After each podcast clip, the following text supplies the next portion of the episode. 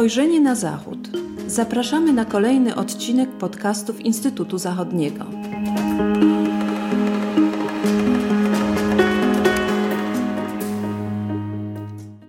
Dzień dobry, z tej strony Tomasz Morzowski. Witam Państwa w kolejnym odcinku podcastów Instytutu Zachodniego.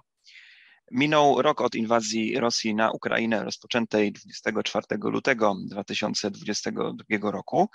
E, a także rok od wygłoszonego trzy dni później przez kanclerza Scholza przemówienia w Bundestagu, w którym nakreślił e, on reakcję Niemiec na wybuch tej wojny. E, przemówienie pod hasłem Zeitenwende, czyli epokowej, przełomowej zmiany, hasła już odmienianego przez wszystkie przypadki, ale symbolizującego to, że przemówienie to miało dać początek takich głębokich, długofalowych przemian w niemieckiej polityce na bardzo różnych płaszczyznach, od polityki zagranicznej, bezpieczeństwa, kwestii zbrojeniowych, poprzez szeroko pojęte relacje Niemiec z Rosją czy politykę energetyczną.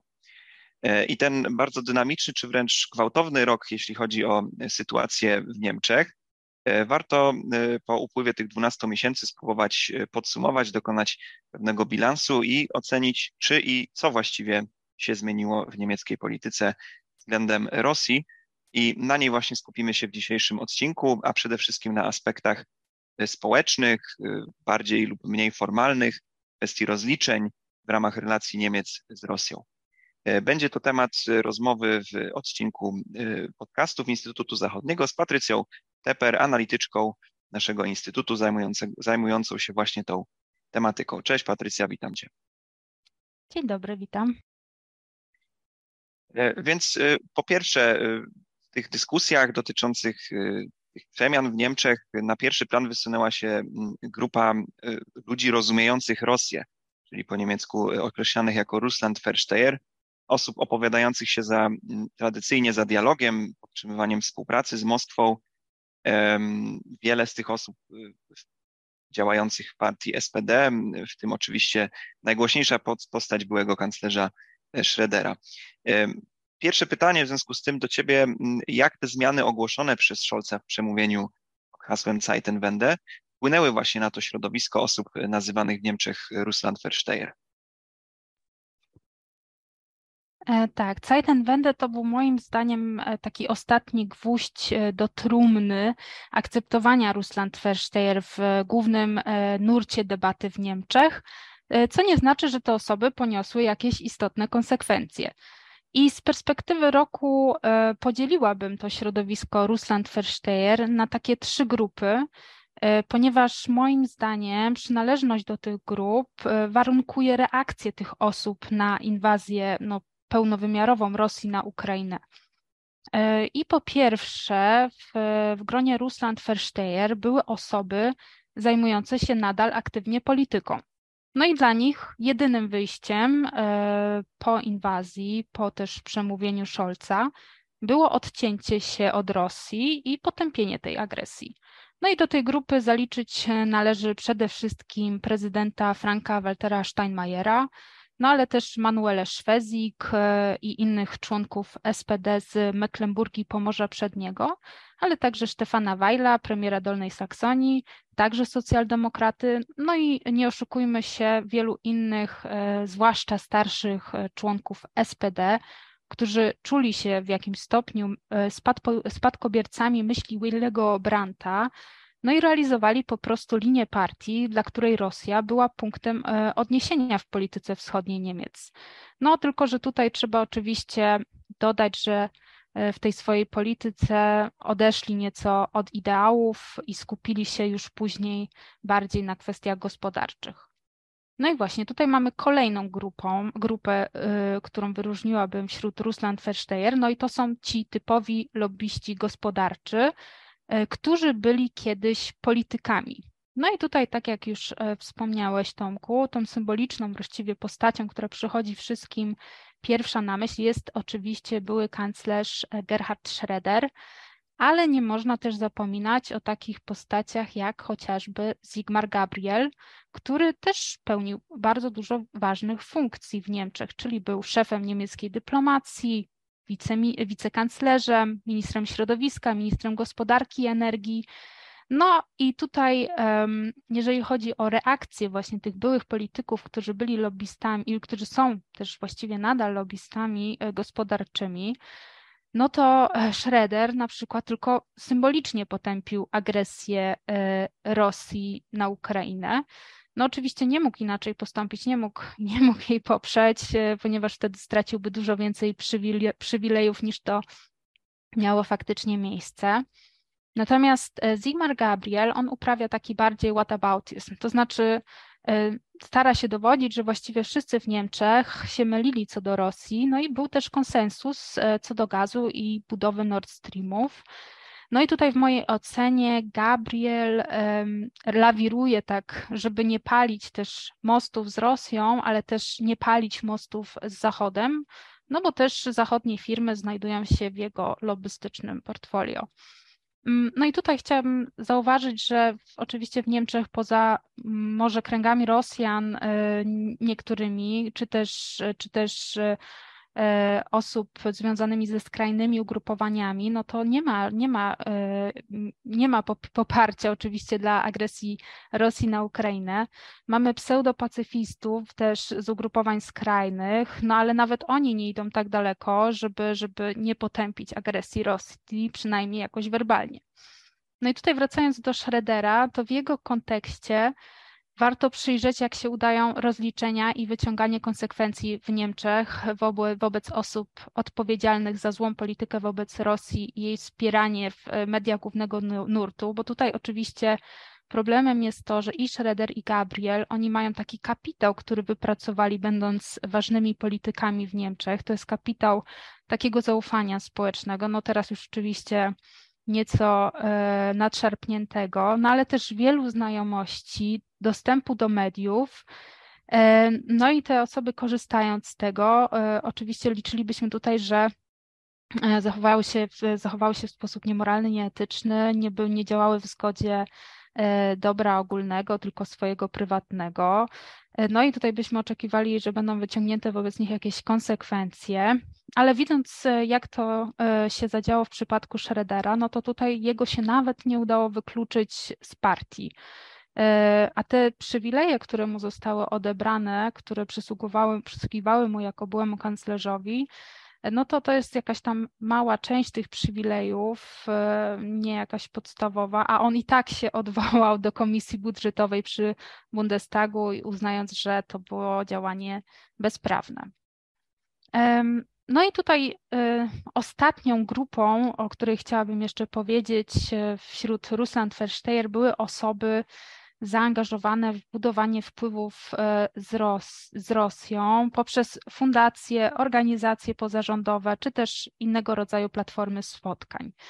Tutaj takim e, przykładem może być Matias Placek, który też był e, politykiem, politykiem aktywnym SPD, był premierem Brandenburgii przez wiele lat. No i on działał jako prezes Forum Niemiecko-Rosyjskiego, czyli organizacji pozarządowej, która zajmowała się tak wielowektorowym wspieraniem współpracy niemiecko-rosyjskich. No i tutaj od staży właściwie dla dziennikarzy, począwszy, a skończywszy na organizacji konferencji miast partnerskich, e, czy też wymian szkolnych i młodzieżowych. No i to forum jest przykładem, e, w którym mamy do czynienia ze schematem, którym wydaje się, że ta działalność jest godna pochwały, jednak 2014 rok pokazał, że takie organizacje i osoby w nie zaangażowane no, są niebezpieczne, dlatego że w tym roku e, jak wiadomo, e, to był rok aneksji Krymu przez Rosję. No i się okazało, że właśnie Matias Placek i osoby związane z forum zaczęły występować w telewizji, w mediach, e, przekazując tak naprawdę linię Kremla na temat tych wydarzeń. No i tutaj się też te organizacje spotkały wtedy z wielką krytyką. E, no i też, też e, kolejną osobą, którą tutaj e, bym zaliczyła do tej grupy jest chociażby Oliver Hermes. On był przewodniczącym Komisji Wschodniej Gospodarki Niemieckiej, czyli Ostausschuss. No i tutaj podobnie, wiadomo, on działał dla przedsiębiorców niemieckich działających w Rosji, ale ta jego działalność też wykroczyła już po tą, ponad tą normalną działalność taką typowo gospodarczą i on też często wypowiadał się właśnie na takie tematy no stricte polityczne powiedziałabym, też właśnie po aneksji Krymu, czy też później potępiał sankcje. E, I tutaj, jeżeli chodzi o reakcję tej grupy, mm, którą mogliśmy obserwować i wpływ e, Zeitenwende na to środowisko, konkretne tą grupę, no to te osoby praktycznie bardzo szybko po, po tym, jak e, nastąpiła agresja Rosji na Ukrainę, po prostu podały się do dymisji, zrezygnowały, zrezygnowały z tych stanowisk, pełnienia tych funkcji co ja odczytuję no, jako po prostu nie byłoby już szansy nawet na, na kontynuowanie e, przez nich jakiejkolwiek tego typu działalności, no, ponieważ wiadomo, te inicjatywy po prostu straciły rację bytów i, i poniosły porażkę. E, jeszcze na koniec bardzo krótko e, chciałabym wspomnieć o Angeli Merkel. Ona jest tak jakby osobną kategorią, ja bym jej nie zaliczyła do Russland Versteher, natomiast jej takie milczenie po agresji e, Rosji na Ukrainę było bardzo wymowne, znaczące. No i ona e, nie przyznała się do błędów w swojej polityce mm, ostatnich lat, mówiąc, że na ten ówczesny czas jej działania były słuszne. No i tutaj trochę się wpisuje, powiedzmy, w tą taką narrację stosowaną przez Schroedera, czyli nie mówię mea culpa, też e, Zygmunt Gabriel też mówi, że się nigdy nie przyzna do winy, bo tak e, to nie była, e, to nie była żadna wina, tylko po prostu w ówczesnym czasie tak należało działać. E, no i tutaj e, jakby zamknęłabym ten temat właśnie osobą Angeli Merkel i, i tym, że tutaj również nie widzimy z jej strony jakiejś e, ochoty do tego, żeby przyznać się do błędu. Myślę, że to nam pokazuje, jak właśnie ta grupa, czy też właściwie całe środowisko, tak, tych osób, które opisujesz, jak jest szeroka, jak to jest też wielopoziomowy, wielopoziomowa konstrukcja tych zależności i, i tych zależności obejmujących nie tylko właśnie sferę polityki, ale łączącą tą sferę z gospodarką. I dlatego myślę też te rozliczenia e, i, i, też wyciąganie wniosków, pociąganie do odpowiedzialności odpowiednich osób zajmuje przede wszystkim no, dość dużo czasu. Podawałaś przecież nazwiska czołowych e, polityków, przede wszystkim z SPD, mm, o silnej pozycji dotychczas e, w Niemczech, dlatego to, to wszystko nie dzieje się nie dzieje się z dnia na dzień, jest długim i dla samej partii kanclerza Scholza trudnym E, trudnym procesem. Innym e, przejawem, czy też nawet takim symbolem właśnie tych powiązań niemiecko-rosyjskich w warstwie takiej polityczno-gospodarczej, również dotyczącej fundacji, jest kraj związkowy Mecklenburgia Pomorze Przednie i działająca tam fundacja e, klimatyczna, powiązana również z kwestią budowy gazociągów Nord Stream. Gdybyś mogła jeszcze właśnie w, w, kolejnej części naszej rozmowy skupić się na tym, na tym przypadku i opowiedzieć trochę, jak przez ten rok e, przebiegały losy właśnie tej fundacji. Tutaj wydawałoby się, że już nie powinniśmy mieć żadnego tematu do rozmowy, ponieważ e, wiadomo, że projekt Nord Stream 2 został zatrzymany. Mało tego, infrastruktura Nord Stream jedna nitka została zniszczona, także już wydawałoby się, że fundacja po takim totalnym blamarzu, po ataku Rosji na Ukrainę i po też przemówieniu Scholza, który jest wiadomo socjaldemokratą i rząd y, i w Mecklenburgii Pomorzu przed nim również rządzi y, socjaldemokracja, dlatego wydawałoby się, że już o fundacji nie powinniśmy dawno y, mieć tutaj nic do powiedzenia, ale powinna zostać rozwiązana, powinna zostać rozliczona i, i tak naprawdę ten temat powinien się zakończyć już dawno temu. Tutaj 30 września 2022 roku to była taka umowna data do, do końca września zeszłego roku. Fundacja miała zostać przekazana w, w ręce lokalnego, lokalnych instytucji z Mecklenburgii, a one miały e, tą fundację rozwiązać. Tak się umówiono z zarządem, na czele którego, przypomnijmy, jest Erwin Zellering, który był wcześniej premierem w Mecklenburgii po, po Morzu Przednim. Natomiast jest koniec lutego 2023 roku, no i fundacja po tym roku e, nadal działa. To znaczy, oczywiście już, e, już ta działalność e, polega bardziej na zamykaniu różnego rodzaju rozliczeń, biznesów i tak dalej.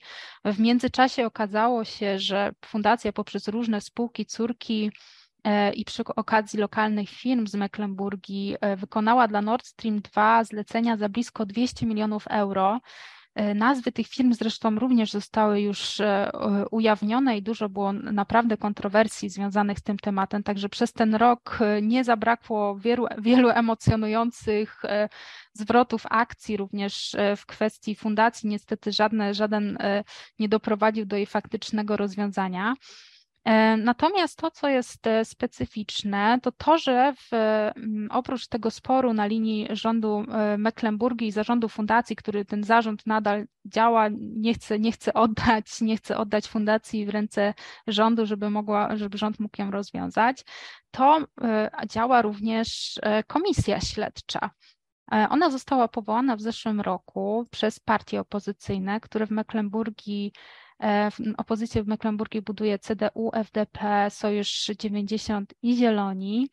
E, I tutaj w, w, ramach, w ramach tej e, komisji śledczej opozycja chciałaby wyjaśnić, e, co tak naprawdę zaszło, e, czy Manuela Szwezik miała świadomość, że powołując fundację, że to nie będzie, e, ta fundacja nie będzie miała tylko takiej małej pomoc, pomocniczej roli przy budowaniu Nord Stream 2, no bo to zostało tak naprawdę powiedziane wprost w Rantagu, tylko będzie takim, taką dużą firmą pod przykrywką tylko fundacji, które tak naprawdę w tych tematach ochrony środowiska, ochrony klimatu nie zrobi e, dla lokalnej społeczności kompletnie nic, ponieważ projekty, które fundacja e, do, do, tej pory zrealizowała są no naprawdę śmiechu warte. To jest sadzenie drzewek przez przedszkolaki, takie najmniej wymagające, jakby najmniej zaangażowania ze strony czy zarządu, czy samej fundacji, tylko po prostu są mm, przekazywane jakieś środki lokalnym przedszkolom, szkołom do tego, żeby te projekty były realizowane.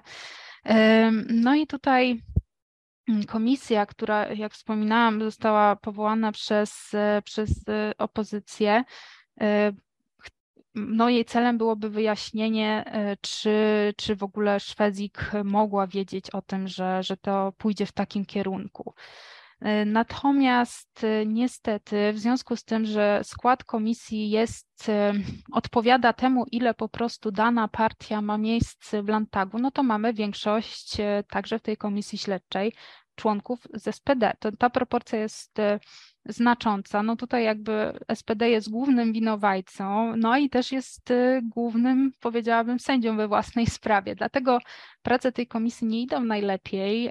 Znaczy one posuwają się do przodu, natomiast jako taki przykład tego, że ze strony SPD w Mecklenburgii nie ma za bardzo woli e, dowiedzenia się prawdy tego, jak było, świadczyć może chociażby powołany przez nich ekspert, to jest pan Friedbert Pflüger, który w ramach pracy komisji miałby ustalić, e, czy powstanie kolejnych nitek gazociągu było konieczne w ogóle. No i pan Pflüger, no to jest znany lobbysta gazowy doradzający Nord Stream 2 AG od 2016 roku. No więc osoba, która nie może być traktowana jako neutralny ekspert.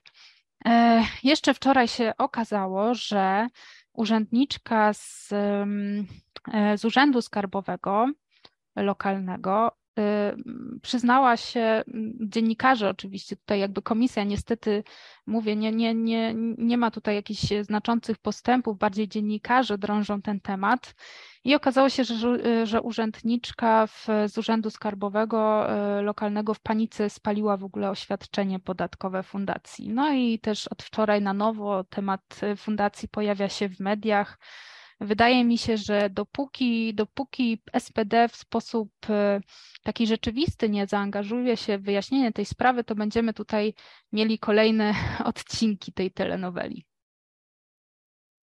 Czyli burzliwa sytuacja nawet już, już rok po, po inwazji rosyjskiej, po ogłoszeniu przez kanclerza Scholza tych, tych przemian widzimy, że e, proces trwa i tak jak, tak jak wspomniałaś, będzie pewnie się jeszcze ciągnął jakiś czas.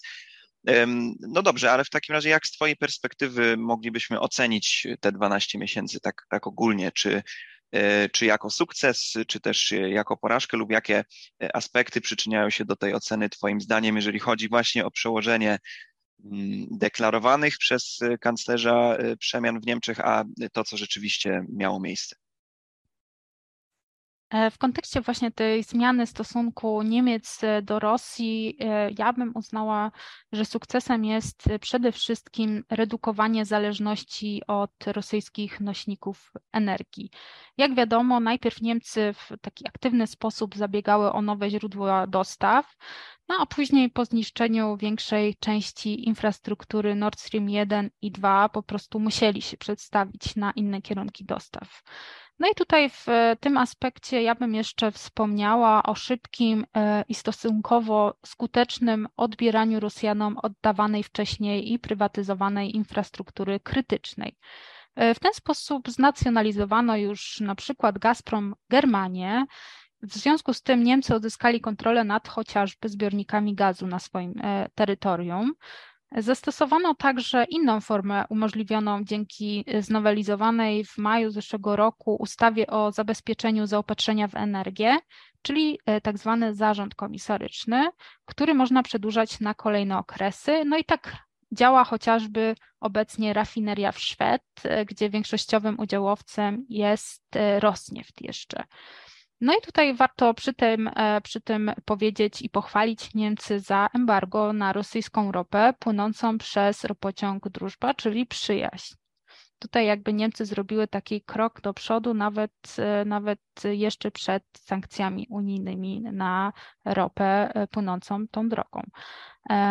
I tutaj uważam, że to jest ważne, ponieważ Niemcy tym samym zrywają e, z filozofią Ostpolitik e, i jej założeniami, czyli zmianą przez zbliżenie, handel i powiązania. Tutaj jest na pewno taki krok w tył e, i nie będzie można go tak łatwo odwrócić. Kolejnym sukcesem, moim zdaniem, jest zbudowanie świadomości w społeczeństwie niemieckim, E, jeżeli chodzi o zagrożenie, jakie płynie e, z Rosji. Oczywiście wojna miała na to na pewno największy wpływ, a nie orędzie Scholza, ale uważam, że to orędzie Scholza też było tutaj ważne. E, I tutaj, żeby mm, przedstawić, jaka jest skala tej zmiany nastawienia do Rosji, to możemy spojrzeć, że w 2015 roku w Niemczech, czyli już po aneksji Krymu przez Rosję, tylko 41% e, ankietowanych traktowało Rosję jako zagrożenie. Natomiast ten wskaźnik w marcu 2020 roku wyniósł już 74%. No i teraz właściwie jest już zbliżony do tego w Polsce, gdzie ten odsetek jest od wielu, wielu lat stały. No i tutaj się Niemcy e, zrównały, zrównały z nami. Mm, no i tutaj też moim zdaniem sukcesem jest to, że mimo wszystko, mimo e, rosnących cen energii na przykład, udało się również w społeczeństwie niemieckim e, utrzymać e, stosunkowo wysokie poparcie dla sankcji i ich zasięgu, które są nakładane na Rosję. Właściwie były takie obawy, czy, czy to, czy to poparcie nie spadnie, ale póki co nie widzimy tutaj jakichś odchyleń od normy. E, wiadomo, że jakieś zmęczenie wojną jest w społeczeństwach e, różnych, różnych państw, natomiast Niemcy tutaj nie, nie odstają jakoś wyjątkowo. Także ja uważam, że to należy traktować jako sukces, e, biorąc pod uwagę punkt wyjścia, no i też relacje Niemiec z Rosją pielęgnowane przez, przez te osoby, o których wspominaliśmy, przez te różne instytucje, no latami. E, uważam też, że sukcesem jest stopniowe odchodzenie od Russia First w Ostpolitik, czyli traktowania interesów Rosji na pierwszym miejscu właśnie wtedy, kiedy na przykład y, myślimy o tym, w jaki sposób prowadzić politykę wobec Ukrainy. Teraz ten, e, e, teraz oczywiście jeszcze, jeszcze jest stopniowe odchodzenie. Rosja jednak odgrywa e, rolę. Niemcy się też boją chociażby ataku nuklearnego z Rosji. Natomiast tutaj widzę jednak, że zmiana świadomości nastąpiła. Natomiast za porażkę i przez ten rok e, uważam dwie kwestie. E, jedna z nich to brak rozliczeń, tak jak już wspominałam, a druga to jest brak nowej strategii wobec Rosji, czyli nie ma takiej strategii, nie ma planów jeszcze z tego, co słyszałam, na zastąpienie współpracy z Rosją. Są oczywiście, toczą się dyskusje, natomiast jakby brakuje tutaj jeszcze konkretów. No tutaj tylko to, ta strategia na zastąpienie współpracy z Rosją jest widoczna w kwestiach uniezależniania się od nośników energii. E, zwróćmy uwagę na przykład właśnie na Manuelę Szwezik, e, premier Mecklenburgii, Pomorza Przedniego, o którym rozmawialiśmy przed chwilą. Ona powinna tak naprawdę podać się do dymisji po, e, po wybuchu wojny, ponieważ brała udział w przekręcie z fundacją i ściśle współpracowała z zarządem Nord Stream 2, no co nie jest działaniem na rzecz dobra wspólnego, ale w interesie prywatnej czyjejś spółki. No i tutaj też nie słyszałam o tej strategii e, nowej, żeby była planowana wobec Rosji. Wydaje się, że teraz e, taka strategia być może nie jest jakaś specjalna Niemiec potrzebna, natomiast mi brakuje chociażby planów rozwiązań prawnych, tak aby osoby aktywne w polityce wcześniej na takich wysokich stanowiskach nie mogły zaraz e, po opuszczeniu urzędu, czy też nawet e, po jakimś czasie rozpoczynać działalności e, lobbystycznej, też działalności lobbystycznej przede wszystkim w rosyjskich spółkach. Wyobraźmy sobie właśnie, że, że tutaj te, te, ten właśnie element miał takie tragiczne, miał taki tragiczny efekt, jeżeli chodzi o uzależnianie Niemiec i tutaj ja bym oczekiwała, że jakaś strategia na rozwiązanie tego problemu się pojawi, a na razie y, no, nie widać jej. Mm, wydaje mi się też, że nie udało się jeszcze do końca Niemcom wyjść z takiego nawyku powstrzymywania się od e, krytyki Rosji E, ze względu na historyczną odpowiedzialność e, Niemiec, e, co też było wcześniejszym elementem Ostpolitik. I tutaj przy opóźnianiu na przykład decyzji o wysyłaniu czołgów wciąż pojawiał się wątek, że nie chcielibyśmy, żeby niemieckie czołgi stanęły znów naprzeciw rosyjskich. Dlatego uważam, że tutaj jeszcze w tej kwestii właśnie takiej um, przełożenia tej historycznej odpowiedzialności Niemiec nieco na inne na inne obszary, tutaj jeszcze na pewno mm, potrzeba trochę czasu. No i też e, podsumowując, jeszcze tak na koniec, ogólnie jako porażkę moim zdaniem należy uznać zmarnowany potencjał przemówienia Scholza, e, które już nazywane jest Zeitenwende, już też przeszło do historii. Moim zdaniem on nie zarządzał odpowiednio oczekiwaniami, ale też ale postawił wysoko poprzeczkę już od razu no i później poległ e, komunikacyjnie. Ludzie oczekiwali dużych zmian, a każda zwłoka, których było niemało przez ten rok, traktowana była już jako po prostu kolejny powód do tego, żeby nie ufać Niemcom i za każdym razem mówiono, że, że tutaj Niemcy wcale nic nie zrobili, że te, że te Wende, czyli zmiana, no to była o 360 stopni e, i że, i że czeka nas powrót do właśnie dawnych pryncypiów Ostpolitik, gdy tylko e, trochę sytuacja się zmieni. No i też na sam koniec powiem, że moim zdaniem niestety dużo jest w tym winy samego kanclerza. Czyli widzimy, że po upływie 12 miesięcy mamy nadal sporo e, otwartych e, kwestii, sporo nie, nierozwiązanych e, pytań. Być może to są elementy, które dopiero będą nadchodzić, będą miały miejsce w Niemczech dalsze przemiany. Oczywiście będziemy to w Instytucie Zachodnim szczegółowo dla Państwa śledzić. Dzisiaj dziękuję Ci bardzo za tą pogłębioną analizę. Wspomniałaś krótko o czołgach. No my nie poruszaliśmy dzisiaj tych kwestii polityki bezpieczeństwa, dostaw uzbrojenia. E, to są elementy, które e, omawiamy w innych podcastach na naszej stronie internetowej.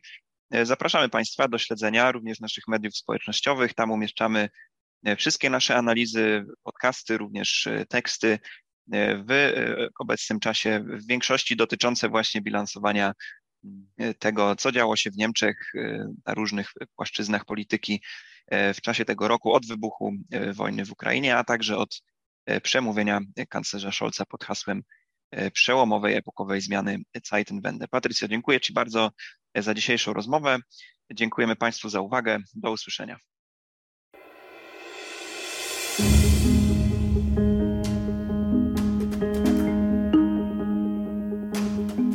Spojrzenie na Zachód. Podcasty Instytutu Zachodniego.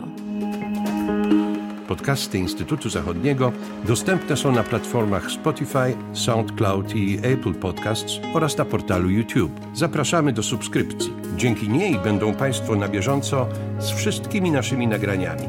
Do usłyszenia.